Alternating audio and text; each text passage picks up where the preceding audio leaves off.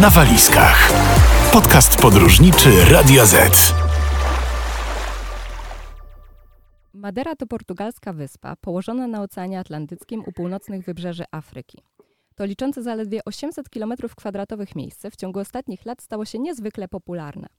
O tym, co oferuje wyspa i dlaczego nazywana jest krainą wiecznej wiosny, porozmawiamy dzisiaj w podcaście Na Walizkach. Ja nazywam się Jolanta Waligura, a moim i Państwa gościem będzie Juliusz Drak. Dzień dobry. Dzień dobry, witam Państwa serdecznie. E, Juliusz, jesteś licencjonowanym przewodnikiem po Maderze, na której mieszkasz od 2009 roku. Obecnie działasz w branży turystycznej, organizując wycieczki jeepami po ukrytych zakątkach wyspy. Zgadza się? Wszystko się zgadza. Tak, tak, tak, dokładnie. E, super. Zanim jednak przejdziemy do, do samych atrakcji wyspy, chciałabym porozmawiać trochę o tobie. Otóż 13 lat temu postanowiłeś przyjechać na Maderę, gdzie jesteś do dzisiaj. Kierunek ten tak naprawdę zyskał na popularności stosunkowo niedawno. Dlatego ciekawi mnie, jak to się stało, że się tam znalazłeś? Dlaczego właśnie Madera? No to w sumie dość prosta jest historia, bo, bo ze mną to jest tak, że, że gdzieś tam od pierwszego roku studiów y, zajmowałem się równolegle turystyką. Y, to znaczy mm, zrobiłem sobie taki kurs i, i uprawnienia tak zwanego pilota wycieczek, kiedyś to się tak ładnie nazywało w dawnych czasach. E, no i podróżowałem, jeździłem w każdej wolnej chwili, krótko mówiąc.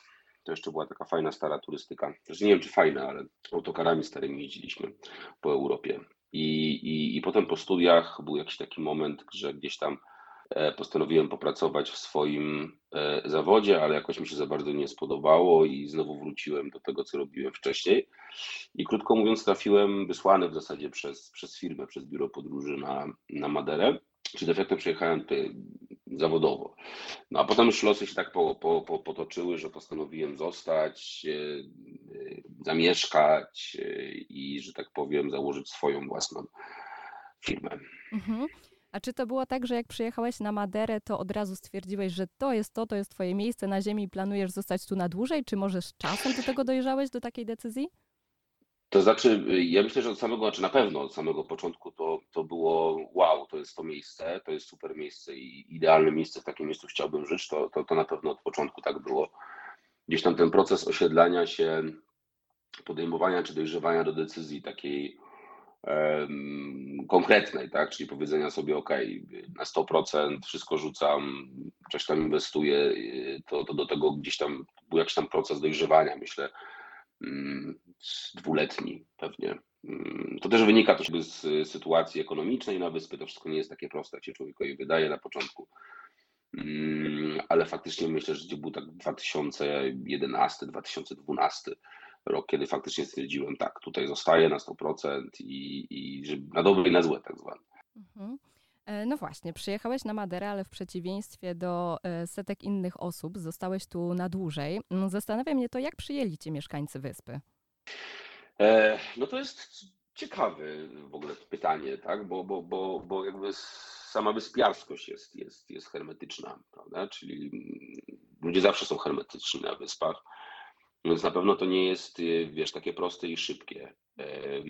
To na pewno wymaga też czasu, wymaga tego, że musisz w jakiś sposób wypracować sobie zaufanie wśród ludzi. To są lata generalnie takiego, takiego funkcjonowania. Tak jak mówię, w moim przypadku to było tyle proste, że to wszystko jakby przeszło y, płynnie. Ja się nie pojawiłem jako człowiek znikąd, tylko byłem gdzieś tam człowiekiem wysłanym przez biuro podróży do pracy, mający jakby z punktu widzenia samej, mm, jakby samych zawodowych kontaktów, tak, jakichś, jakichś tam znajomości i, i gdzieś tam wypracowując sobie pewnego rodzaju dobrą opinię, tak, w, te, w, w ten sposób. No i, i tak to działa. No. Y, y, też niewątpliwie mm, myślę, że dużo znaczenia ma w tym wszystkim to, że jakby w tej chwili jesteśmy już na tyle prężnie działającą firmą, że, e, że jesteśmy firmą, która zatrudnia miejscowych ludzi, prawda? E, I to też na pewno bardzo pomaga, czyli, czyli to nie jest taka sytuacja, że przyjechał gość i jak to się mówi na wyspie, zabiera nam pracę, prawda? No mhm. bo tak mniej więcej to, to, to, to często możemy sprowadzić do czegoś takiego. Tylko przyjechał ktoś, kto, kto otworzył firmę, kto ok, zarabia sobie jakieś tam pieniądze dla siebie, ale jednak pomaga nam, w sensie zatrudnia ludzi z wyspy i, i tak dalej. I to myślę, że na pewno bardzo pomogło. Mm, ja nie czuję się absolutnie tutaj obco, czy, czy, czy w jakikolwiek sposób nie wiem, traktowany jako obcy. Oczywiście pierwszym, pierwszym takim etapem jest, jest, jest poznanie języka. No, bez języka to absolutnie nigdy człowiek nie zostanie w jakikolwiek sposób zaakceptowany w jakiejkolwiek społeczności, więc, więc ta konieczność jakby posługiwania się lokalnym językiem to jest jakby ta pierwsza rzecz. W moim przypadku to było tak, że ja nie mówiłem w języku portugalskim przyjeżdżając do Portugalii, więc musiałem się tego nauczyć tak jakby od, od podstaw. No tak to wygląda mniej więcej. Dobrze, że wspominałeś o języku, bo y, na Maderze ciężko się dogadać po angielsku, czy y, nie ma z tym większego problemu? No właśnie, no właśnie o to chodzi, że nie ma z tym żadnego problemu, co de facto jest w pewnym sensie problematyczne dla osoby, która się chce nauczyć języka lokalnego. Mhm. Bo wszelkie próby, powiedzmy sobie, początkowego, tak, nawiązywania kontaktu w języku portugalskim w tym wypadku, w większości przypadkach, kończy się w ten sposób, że, że, że Madyczycy przychodzą na język angielski, którym generalnie praktycznie wszyscy się świetnie posługują tu na wyspie. I, I to automatycznie utrudnia możliwość nauki, prawda? Bo to jest na takiej zasadzie, że jak oni widzą, że ty się męczysz gdzieś tam, prawda, początkowo e, w ich języku, to nie mówią, a to chcemy ci zrobić, chcemy ci ułatwić twoje życie, tak? Więc, więc będziemy do ciebie mówić wiesz, w języku angielskim, no, tylko że w taki sposób nigdy nie jesteś w stanie się nauczyć tego języka. Więc to było trochę takie śmieszne, muszę przyznać na początku, bo te konwersacje często odbywały się w ten sposób, że mm, ja do nich po portugalsku, wtedy z tą łamiącym ten, ten, ten, ten język portugalski, prawda, a E, w drugą stronę e, prawda, leciał język angielski, to były takie bardzo śmieszne rozmowy początkowo. Mhm. Ale niewątpliwie jakby język to jest podstawa, bez tego, bez tego nie da się po prostu funkcjonować e, w żadnym społeczeństwie, tak, na, na poważnie, żeby być branym na poważnie, a nie jako jakiś powiedzmy sobie przelotny turysta, prawda, który mhm. też przyjechał i, i tak dalej. Chciałabym jeszcze wrócić do, do Twojego biznesu, do Twojej firmy. Mm, wasze hasło to Madera poza utartymi szlakami. Zabieracie ludzi w ukryte, trudno dostępne miejsca. Jak sami mówicie, są one znane, albo nawet czasem i nie, tylko lokalnym mieszkańcom. Miejsca, do których do, nie dotrze się na własną rękę. Zastanawia mnie to, jak znajduje się takie zakątki? Czy to jest przypadek, czy, czy organizujecie, organizujecie jakieś wycieczki po wyspie w poszukiwaniu jak najlepszych miejsc? Jak, jak to wygląda? Znaczy nie, to może, może zaczniemy od samego początku, może, może tak będzie łatwiej mi to wszystko wytłumaczyć. Ja, ja gdzieś tam przez wiele lat y, pracując w tak zwanej turystyce masowej, tak, czyli, czyli prowadząc wycieczki objazdowe, prowadząc prawda, potem wycieczki po wyspie, po górach i tak dalej, w pewnym sensie gdzieś tam uznałem, czy doszedłem do takiego wniosku, że mnie to już przestaje bawić, tak, czyli 50 osób w autokarze i jazda od punktu widokowego do punktu widokowego, gdzie, gdzie sprzedawane są pamiątki i, i wszystko trochę, po, wszystko pobieżnie, tak, I, i na szybko i gdzieś tam w pewnym momencie pojawił się taki pomysł, żeby zacząć robić to troszeczkę inaczej, żeby ludziom zacząć pokazywać taką prawdziwą wyspę, żeby faktycznie jakby um, omijać te wszystkie chińskie pamiątki, prawda, i, i tłumy turystów, ale dostać się do takich miejsc, gdzie powiedzmy sobie taka zwykła turystyka nie dociera. Mhm. I tak pojawił się pomysł aut terenowych, które jakby umożliwiają nam, na pewno Państwo wiecie o tym, że, że, że, że Madera jest y, wyspą górzystą. Tutaj, tutaj nie ma ani kawałka właściwie płaskiego terenu. Więc jakby auta terenowe w tym wypadku się nadają jakby perfekcyjne do poruszania się tutaj i żadnym innym środkiem transportu wiele miejsc się po prostu nie da, nie da dostać. No i pojawił się faktycznie taki pomysł, żeby, żeby pokazywać tę wyspę inaczej, żeby pokazywać taką prawdziwą, niekoniecznie taką wykładzoną turystyczną. Prawda? Ja jestem też troszeczkę takim przeciwnikiem w ogóle takiego opowiadania o Maderze, jak bardzo w wielu miejscach można usłyszeć, że, że to jest raj na ziemi, że tu jest piękne, wszystko cudowne i wspaniałe, bo to jest troszeczkę spłycanie jakby całego tematu, to znaczy mamy cudowne widoki, mamy piękne góry i tak dalej, ale też się z różnymi ludzie problemami borykają na wyspie, więc ja zawsze staram się, czy staramy się e, faktycznie zabrać naszych, naszych, naszych klientów w takie miejsca, gdzie jakby widać dwie strony też tej Madery i takie miejsca, które są ciężko dostępne. Słuchasz podcastu Radio Z. E, pytanie brzmiało faktycznie, bo ja mocno odszedłem od, od, od tematu, jak się znajduje takie miejsca. Znaczy, no nie ukrywam, no, jak, jak kupiłem pierwsze auto terenowe, to nie wiedziałem nic na temat aut terenowych, ani na temat, że tak powiem, tras dla aut terenowych po wyspie i moje takie pierwsze początki to było po prostu w ten sposób, że brałem auto, brałem zdjęcia satelitarne, oglądałem jakieś tam ścieżki, które wydawało mi się na tych zdjęciach satelitarnych, że być może uda się tam przejechać samochodem i na własną rękę w pojedynkę, czego oczywiście nikomu nie, oczywiście wszystkim odradzam, tak, robienie takich, takich, takich eskapad, bo to ani nie, to, ani to nie jest bezpieczne, ani, ani, ani mądre, ale faktycznie w pojedynkach gdzieś tam sobie po tych górach po prostu jeździłem, e, przecierałem sobie szlaki, przecinałem gdzieś tam drzewa jak leżały, wyciągałem się wyciągarką jak trzeba było i na tym to mniej więcej wszystko polegało. To takie były początki generalnie. Mm, no i, i tak wyglądało wytyczanie szlaków, no a ponieważ zajmujemy się już tym wiele lat, bo w sumie firma działa od 2000, tak normalnie, w sensie prężnie działa od 2014 roku. E, także e, z czasem oczywiście tych, tych miejsc się znajdowało więcej. No, w tej chwili myślę, że nie będzie jakąś tam przesadą, jak powiem, że, że Madera nie ma przede mną już żadnych tak chyba tajemnic. E, choć przyznam szczerze, że nawet po tych 13 latach czasami gdzieś potrafię jeszcze jakieś miejsce trudno dostępne znaleźć, którego gdzieś tam nie znałem.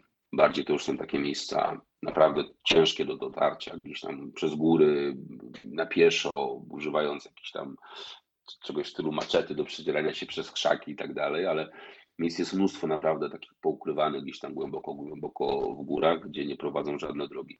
E, chciałam też z Tobą porozmawiać o, o samej wyspie. Madera jest bardzo małą wyspą, tak jak już wspominaliśmy. Jej powierzchnia wynosi tylko około 800 km2. Dla porównania Warszawa ma tak naprawdę niewiele w niej, bo, bo ponad 500. Mimo to e, wyspa oferuje wiele atrakcji, można tam znaleźć wiele wspaniałych miejsc i tu pojawia się kluczowe pytanie, co można robić na Maderze? O kurczę, no robić można wszystko tak naprawdę. Madera troszeczkę w jakiś sposób umyka tak, takim, takim, stan, takim typowym standardowym, standardowemu myśleniu turystycznemu, tak, bo wiele osób jadąc gdzieś tam na, na, na tropikalną wyspę, to wyobraża sobie, że będzie leżało, nie wiem, na plaży, wieczorami chodziło na dyskoteki i, i tak dalej. Natomiast tutaj nic takiego nie ma. Tak? Po pierwsze nie ma plaż, w sensie są, ale kamieniste. E, po drugie, ten dostęp do oceanu nie, bywa niesamowicie trudny w wielu miejscach. E, pogoda bardzo kapryśna, bo to mimo wszystko wysokie góry, więc niekoniecznie jest tak, jak sobie wymyślimy, że przez dwa tygodnie będzie mi świeciło tylko słońce. Pogoda jest niesamowicie zmienna na wyspie.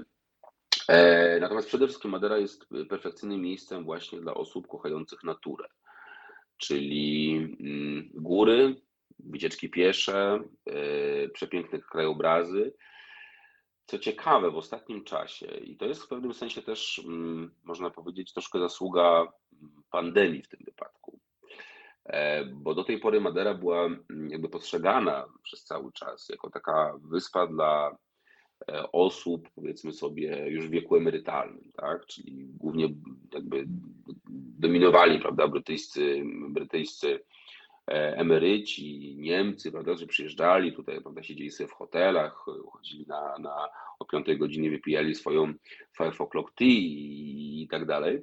Natomiast przez pandemię to się troszkę sporo rzeczy zmieniło, to znaczy Madera została dostrzeżona przez młode osoby, e, przez, e, pojawiły się możliwości uprawiania różnego rodzaju sportów ekstremalnych, prawda?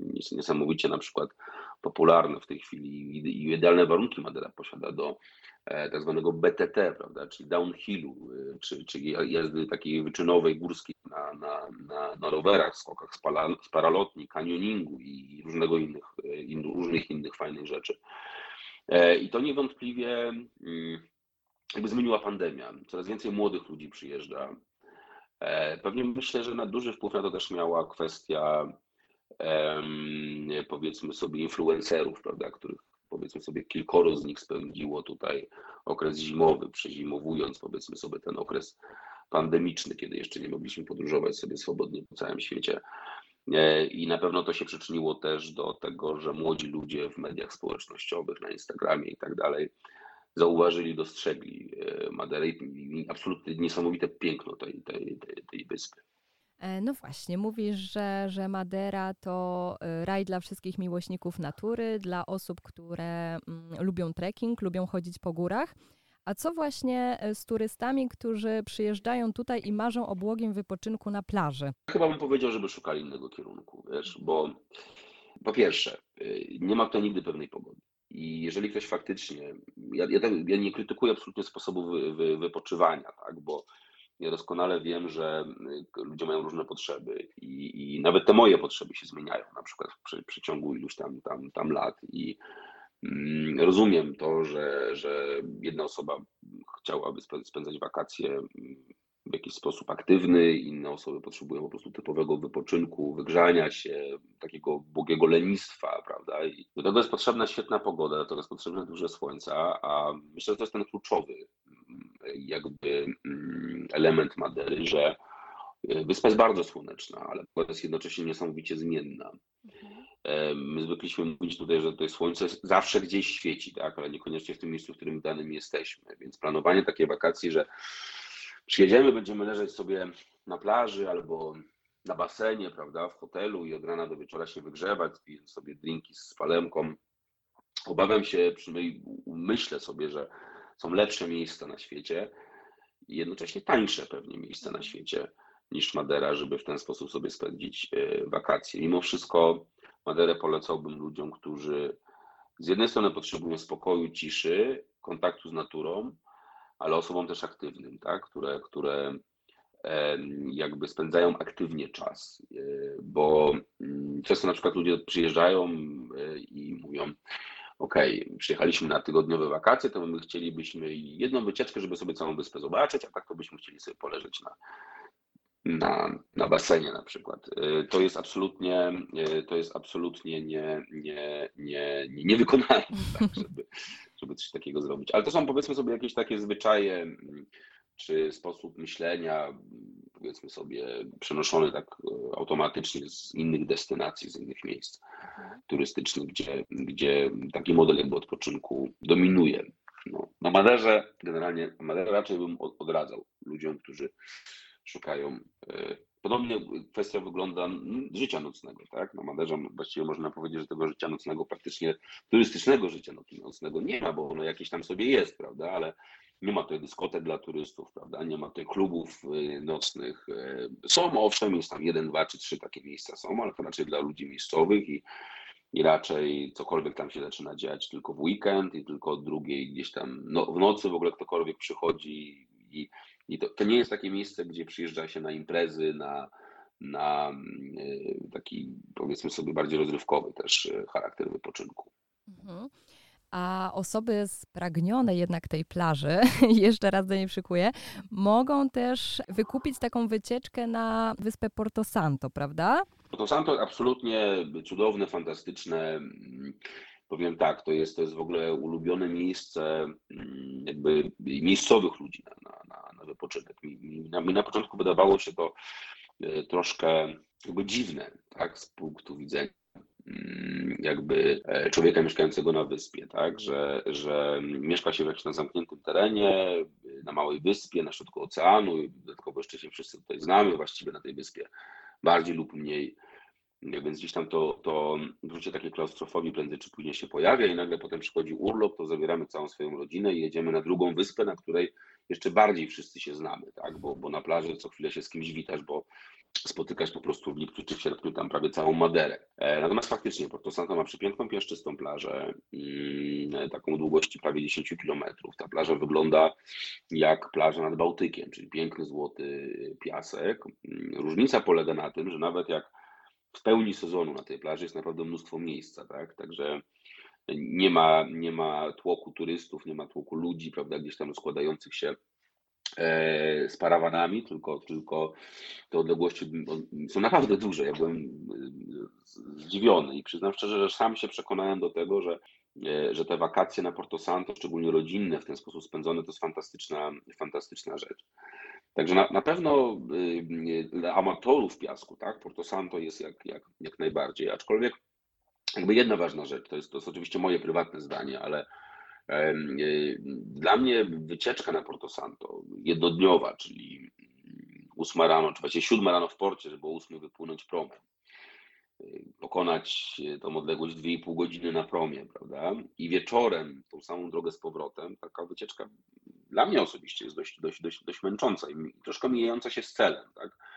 mimo wszystko te 2-3 dni na Porto Santo to są takie absolutne minimum, żeby złapać ten taki luz, tak? Takiego nic kompletnie, bo tam nie ma nic kompletnie do roboty właściwie na Porto Santo. Jest po prostu piękna plaża, jest może, nie wiem, z pięć restauracji, w których można coś zjeść, jest, jest, jest jeden sklep, to w ogóle nowość, bo budowali jakiś tam supermarket rok temu. Do tej pory to w ogóle był taki mały sklepik tak naprawdę na całą wyspę.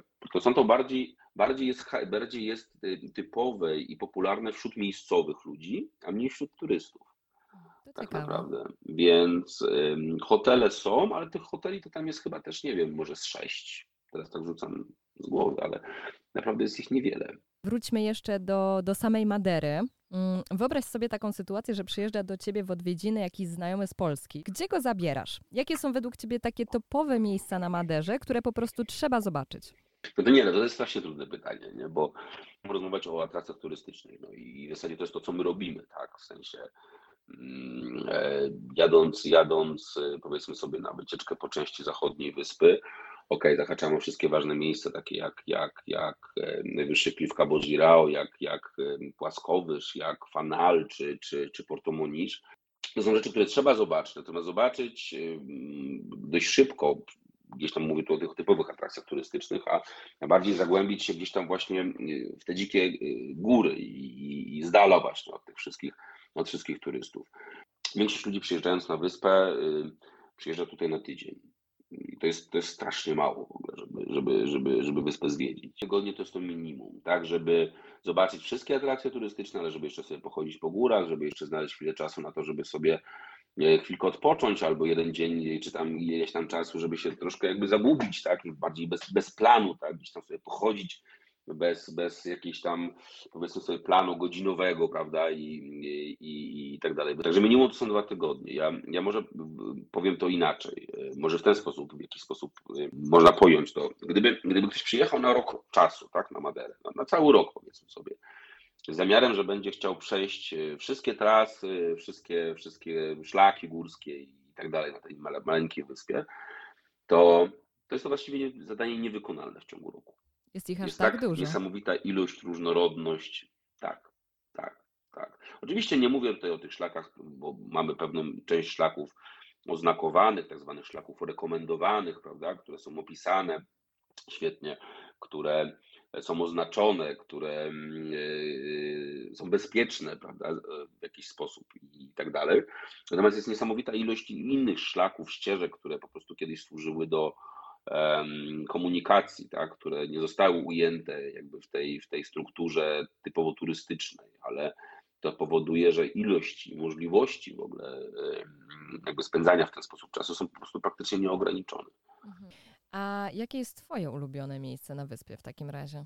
Mam mnóstwo takich miejsc, nie jestem w stanie ich ani wymienić, ani często nazwać, bo to są często miejsca po prostu gdzieś tam zupełnie w górach schowane i, i tak dalej, gdzie nie ma zasięgu telefonu. I myślę, że nie ma chyba takiego jednego, jedynego miejsca, które by było tylko i wyłącznie najlepsze i, i ża- żadne inne. Zachwyca cała wyspa. Tak, tak, niewątpliwie. Słuchasz podcastu podróżniczego Radia Z. Maderę nazywa się Wyspą Wiecznej Wiosny. Tak naprawdę można tam podróżować o każdej porze roku. Jednak czasem jej niektóre zakątki są bardziej zielone, innym razem wyspa ma taki bardziej surowy klimat. Widać to chyba przede wszystkim po zdjęciach zrobionych na popularnie turystycznym przylądku Świętego Wawrzyńca. W takim razie kiedy najlepiej się tam wybrać? Wyspa faktycznie nazywana jest Wyspą Wiecznej Wiosny. Co to w skrócie oznacza? To znaczy, że jak sobie ktoś mieszka w Funchal, czyli w stolicy, i mieszka powiedzmy sobie w tych niżej troszkę położonych dzielnicach, czyli gdzieś tam bliżej oceanu, no to latem temperatury rzadko będą przekraczały 25 stopni Celsjusza. e, Zimą rzadko będą spadały poniżej 20 stopni Celsjusza. I faktycznie to klimat właściwie absolutnie idealny prawda, do, do, do życia. E, Tym bardziej jest to jakby ciekawe w ogóle z punktu widzenia mm, klimatologii, że jakby Madera położona jest e, mniej więcej na szerokości geograficznej centralnego Maroka, czyli Marrakeszu, gdzie jak wiemy latem temperatury no powyżej 40 kilku stopni Celsjusza właściwie, właściwie mamy. No w każdym razie jakby też nie wchodząc w szczegóły aż takie, bo, bo, bo to też jest temat, o którym można mówić godzinami, e, o klimacie Madery. E, Faktycznie przez cały rok mamy bardzo zrównoważoną pogodę. E, Aczkolwiek cały czas mówimy o tych dzielnicach położonych niżej nad oceanem, bo podczas gdy zimą Funchal może być plus 20 stopni, to wysokie góry jednocześnie mogą być przysypane śniegiem. możemy mieć y, temperaturę ujemne, prawda, czyli poniżej, poniżej zera i gdzieś tam opadający śnieg w wysokich górach. To oczywiście nie jest y, y, norma, to nie jest tak, że to tak całą zimę jest, no ale powiedzmy sobie raz, dwa razy czy trzy razy w okresie tym zimowym ten śnieg w tych wysokich górach po prostu e, sobie spadnie. Czyli tak, na pewno wybierając okres powiedzmy sobie bardziej letni, e, będziemy mieli bardziej zrównoważoną tą pogodę, czyli jakby mniej zmienną, mniej będzie chmur, mniej będzie zmian pogody, tak zwanych burz tropikalnych, które gdzieś tam mogą się pojawić, prawda, czy, czy już nie mówiąc o takich zjawiskach, że gdzieś tam w wysokich górach może śnieg spaść i tak dalej. Jednocześnie y, temperatura y, w górach bywa wyższa wtedy i jak dla mnie osobiście, to, to to się też przekłada na to, że jeżeli mamy gdzieś tam temperaturę 25-27 stopni Celsjusza albo nawet 30, no to, to też jest za gorąco do tego, żeby po tych górach, że tak powiem, chodzić. Um, e, więc naprawdę nie da się e, e, odpowiedzieć jednoznacznie na to pytanie, kiedy jest jeden, jeden, jedyny najlepszy okres. Można właściwie podsumować to w ten sposób, że Zimą pogoda jest bardziej dynamiczna, mamy na pewno w górach niższe temperatury, ale jednocześnie, jeżeli trafiamy na dni, powiedzmy sobie, mm, ładne, słoneczne, y, to te widoki są po prostu zapierają kompletnie, prawda, zwalające z nóg. Ta dynamika krajobrazu jest niesamowita.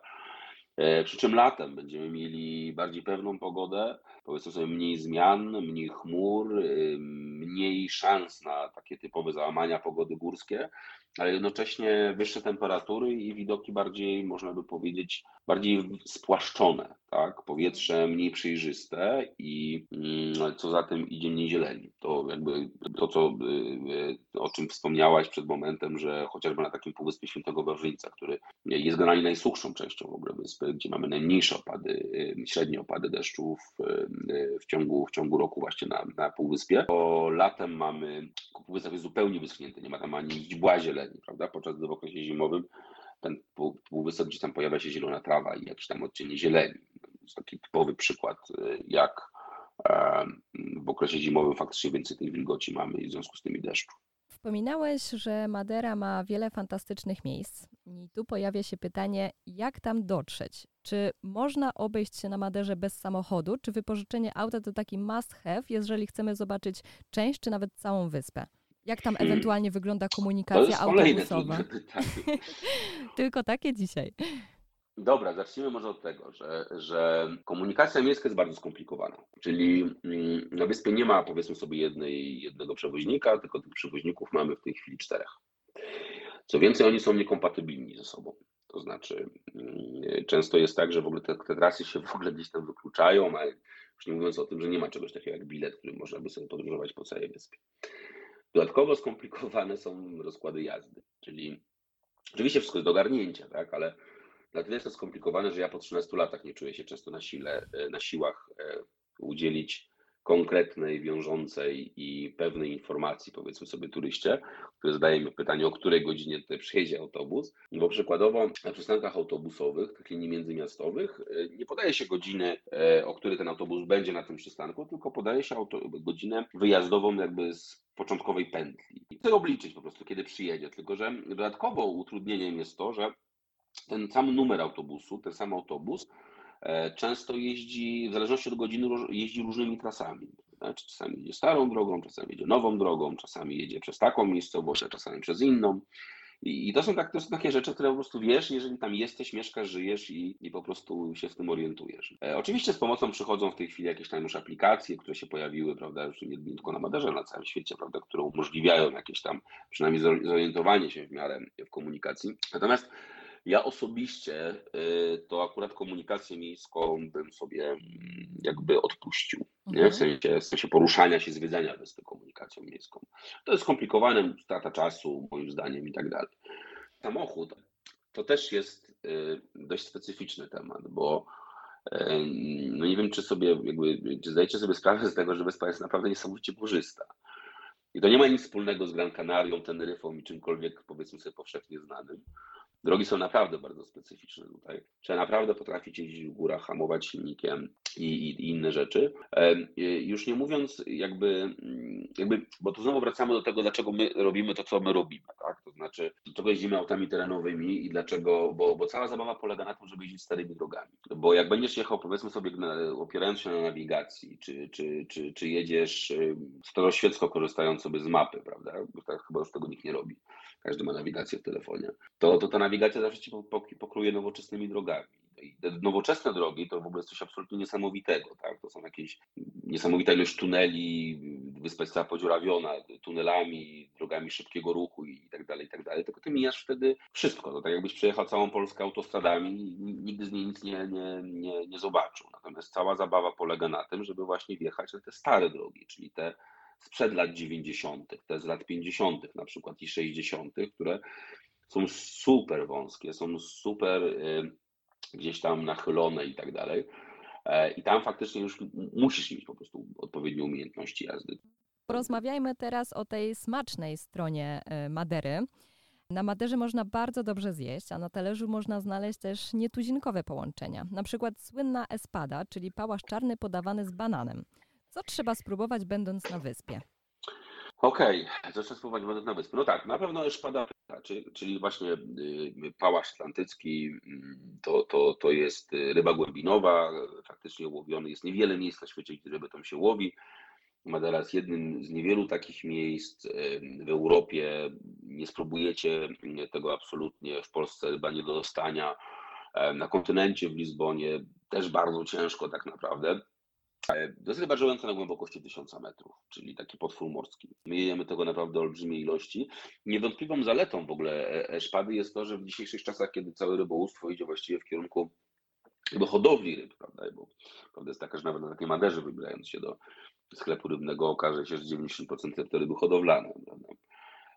Natomiast też szpada jest rybą łowioną w oceanie, szpada preta będąc, czyli pałasz atlantycki będąc tym wypadku już dokładny. Więc to, to koniecznie. To koniecznie. Połączenie z bananem jednemu może bardziej przypadać do gustu, innemu przypaść do gustu innemu, innemu mniej, ale faktycznie bardzo fajne połączenie. Mhm. Drugą atrakcją, czy drugim, drugą takim must po prostu jest takim obowiązkiem, ja się śmieję, no, to jest spróbowanie czegoś, co się nazywa eszpetada. E, dwie bardzo podobne nazwy, natomiast dwa zupełnie inne dania, bo, bo w tym wypadku eszpetada to jest po prostu e, szaszłyk e, wołowy. Tak? To jest szaszłyk wołowy.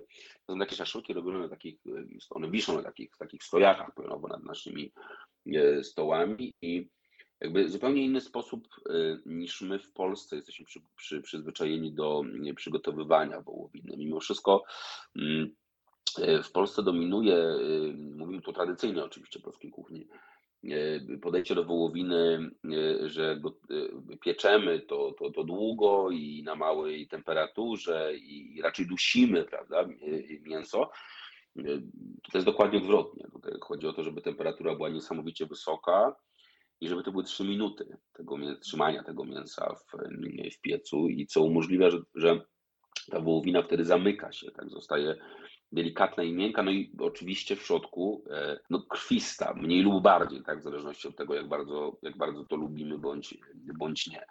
W każdym razie zupełnie inaczej dzielimy y, mięso, na przykład wołowinę tutaj, to jakby kompletnie inaczej wygląda niż, niż w Polsce to robimy. Mamy jakby też dostęp do innych części tego, tego, tego, tego, tego miejsca, tej, tej, tej wołowiny i ja jestem absolutnym fanem, tak, przyrządzania wołowiny w taki sposób, jak my to robimy tutaj, czyli w postaci naprawdę takich krwistych, powiedzmy sobie, fragmentów, dobrze przyrządzonych w odpowiedni, w odpowiedni sposób. Tutaj należy dodać, że to jest też zupełnie inna hodowla tych krów, zupełnie w inny sposób się hoduje, na wolnym wybiegu.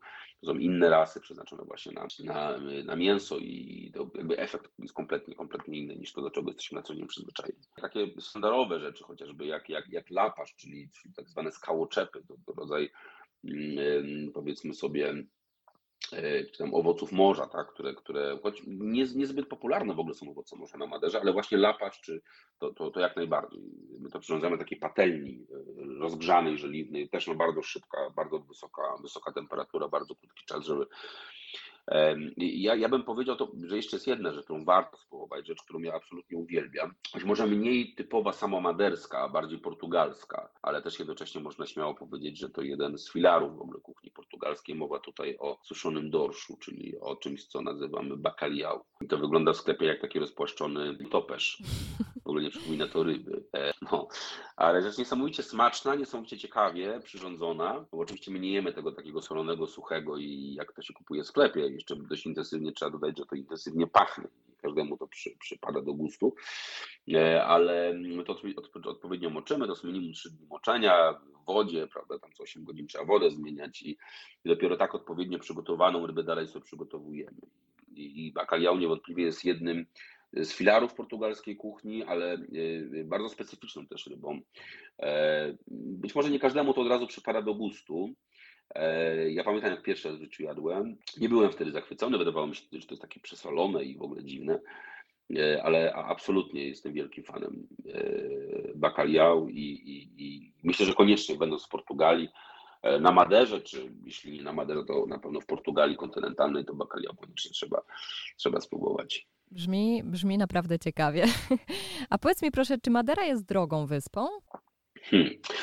Że tak, e, to jest też dla mnie o tyle trudne pytanie, że, że e, ja już faktycznie na tej Maderze się strasznie zasiedziałem. Jednym z minusów w ogóle życia, na, bo są plusy i minusy, tak? Wszyscy zawsze mówią o plusach, a, a, a o plusach to wszyscy wiedzą, jakie są plusy życia na pięknej tropikalnej wyspie, czyli piękna pogoda, ocean, roślinność, widoki i tak dalej. Z minusów życia na wyspie jest jakby życie w jakiejś tam izolacji, tak? Mhm. I koniec końców, jak ktoś żyje sobie na Maderze, tak jak ja od 13 lat, no to się nagle orientujesz, no kurczę, ja nie wiem, w Polsce to nie byłem chyba ze 4 lata w tej chwili. Teraz wybieram się na urlop do Polski. Ciężko się, krótko mówiąc, wydostać z tej wyspy. A jak się tak naprawdę żyje na, na Maderze? Mi się żyje idealnie, cudownie i wspaniale. Ja, ja, ja, dla mnie to jest idealne miejsce do życia. Znalazłem tutaj jakby robię to, co lubię, jestem otoczony miłymi, fajnymi ludźmi, przyjaciółmi i tak dalej, czuję się świetnie w lokalnym klimacie, czuję się świetnie na wyspie i tak dalej. Natomiast mm, jakby to e, powiedzieć inaczej, bardzo mało obcokrajowców tak naprawdę koniec końców osiedla się tutaj na, na, na stałe, bo życie generalnie wcale łatwe tutaj nie jest. Jest troszeczkę przeciwności gdzieś tam losu, jest troszeczkę takich rzeczy, które w jakiś tam sposób ludzi E, dziwią na początku, a potem troszkę frustrują. Nie? E, mam tutaj na myśli chociażby właśnie e, ceny transportu, prawda, i możliwość wydostania się z wyspy. Lotów jest mało, loty są drogie, ta komunikacja z Lizboną też wygląda bardzo słabo, w takim sensie, że, że oczywiście zawsze można gdzieś tam coś taniego znaleźć, prawda, ale mówimy tu o normalnym życiu, kiedy coś się dzieje, musimy lecieć, coś załatwić, prawda, nie chcemy pojechać na wakacje, chcemy pojechać na wakacje wtedy, kiedy dzieci mają wolne i wiesz, i wtedy się nagle okazuje, że te ceny biletów są po prostu astronomiczne, no już, mhm. już, już to już są takie historie, że taki bilet na przykład na, na święta wielkanocne potrafi do Lizbony i tam z, tam z powrotem kosztować 1000 albo 1500 euro na przykład. Nie e, Do tego brak promu. My nie mamy połączenia promowego z kontynentem, prawda? Czyli no, wszelkiego rodzaju jakby transport czegokolwiek na wyspie jest niesamowicie, niesamowicie drogi. E, znowu ceny nieruchomości, prawda, są, są bardzo wysokie. One są dwa razy wyższe de facto niż na Wyspach Kanaryjskich, prawda? I, I ceny samochodów są najwyższe w ogóle w całej Europie, w Portugalii. To, że na Maderze są trochę wyższe niż na kontynencie, to wiadomo, bo to jest kwestia transportu, ale Portugalia generalnie ma po prostu e, gigantyczne gigantyczne e, ceny samochodów, co wynika tam z podatków i tak dalej. No więc jak tak e, koniec końców człowiek tak wszystko się temu przyjrzy, tak, i e, zacznie liczyć te pieniądze, nie, to się okaże, że, że jednak wychodzi to życie strasznie drogo na, na, na, na wyspie.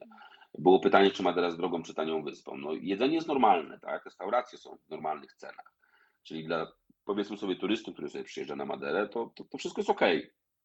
Inaczej troszkę wygląda sytuacja, kiedy jak chcesz tu żyć, czyli musisz mieć samochód, musisz gdzieś mieszkać, musisz sobie coś wynająć, albo musisz sobie coś kupić, prawda? Y, potem chcesz jechać na wakacje, albo nie wiem, musisz dzieci wysłać do, na uniwersytet, prawda, do Lizbony, czy, czy coś takiego. No i tutaj się pojawiają faktycznie koszty, krótko mówiąc, są bardzo wysokie życia. I to powoduje, że to wcale takie y, łatwe miejsce do życia nie jest. Mhm. Bo trzeba rozróżnić to, czy y, ktoś przyjeżdża, nie wiem, na pół roku czy na rok, prawda, pracując sobie zdalnie, gdzieś tam dla firmy europejskiej, prawda, zarabia sobie w pensji na przykład e, europejskiej, prawda, i, i, i nie wiem, niemieckiej, francuskiej, jakiejkolwiek innej, to są, to są właśnie między innymi te możliwości, które pandemia, prawda, przed nami, przed nami otworzyła. Coraz więcej tak zwanych cyfrowych nomadów, prawda, wybiera Madeira, Madeira stała się niesamowicie popularna. Mhm. Inaczej to wygląda, kiedy wiesz, żyjesz lat 10, 20, czy, czy, czy chcesz tu spędzić po prostu e, dużą część czasu. I, I, myślę, że to trzeba byłoby jakby e, zrozumieć. Ja absolutnie nikogo nie chcę w żaden sposób mm, nie wiem, odwodzić od takiej decyzji i tak dalej. Myślę, że każdy powinien sobie spróbować, tak? Przyjechać, spróbować i tak dalej.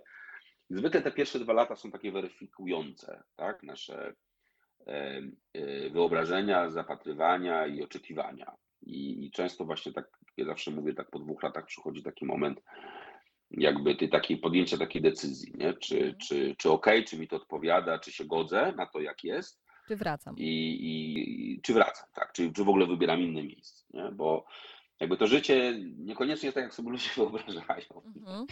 My tak samo pracujemy, żyjemy, wstajemy o 6, wracamy o 20 wieczorem, pracujemy 6 dni w tygodniu, nie mamy czasu na urlop i tam na inne na inne historie, nie? czyli wkracza tutaj taka zwykła proza, proza życia. Właśnie, jeszcze e, zastanawia mnie jedna rzecz. Czy jak ktoś mieszka w tak wyjątkowym miejscu, czy do takich widoków można przywyknąć? Czy po jakimś czasie człowiek się przyzwyczaja? No bo wiadomo, te kręte uliczki, o których mówiłeś, te wzgórza, to coś, co zachwyca turystów, ale może być przekleństwem dla mieszkańców wyspy nie można być obojętnym. To piękno wyspy jest tak niesamowite i te krajobrazy są tak niesamowite, że nie można być jakby obojętnym e, e, w stosunku do tego. Nawet po tylu latach. Mm, nie wiem, ja może to wytłumaczę inaczej. No, nawet po tylu latach. Ja, ja myślę, że to zależy kto czego oczekuje, nie? jakie kto ma wymagania. Na przykład wszyscy, większość ludzi to w ogóle e, ma tak, że że dla nich szczytem marzenia, marzeniem, szczytem marzeń jest na przykład dom, prawda, z widokiem na,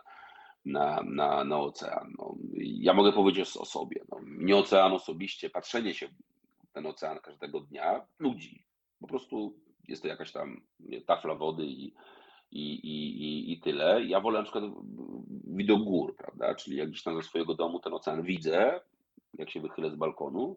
Natomiast dla mnie ważniejsze są, ciekawsze są góry, ta dynamika tego, co tam się dzieje. I, i, i mogę powiedzieć, że zanim gdzieś tam zdecydowałem się, tak, że tak, okay, wezmę kredyt na, tam, na, na, na 30 lat, kupię sobie jakiś tam dom, prawda, i, i zacznę normalnie tutaj żyć, to mieszkałem w różnych miejscach, mieszkałem też w miejscach, gdzie miałem ocean prawie na, na, na wyciągnięcie ręki, prawda, i, i piękny widok i tak dalej. I przyznam szczerze, że akurat w tym wypadku faktycznie mm, do tego oceanu bardzo szybko przywykłem i go nie zauważałem.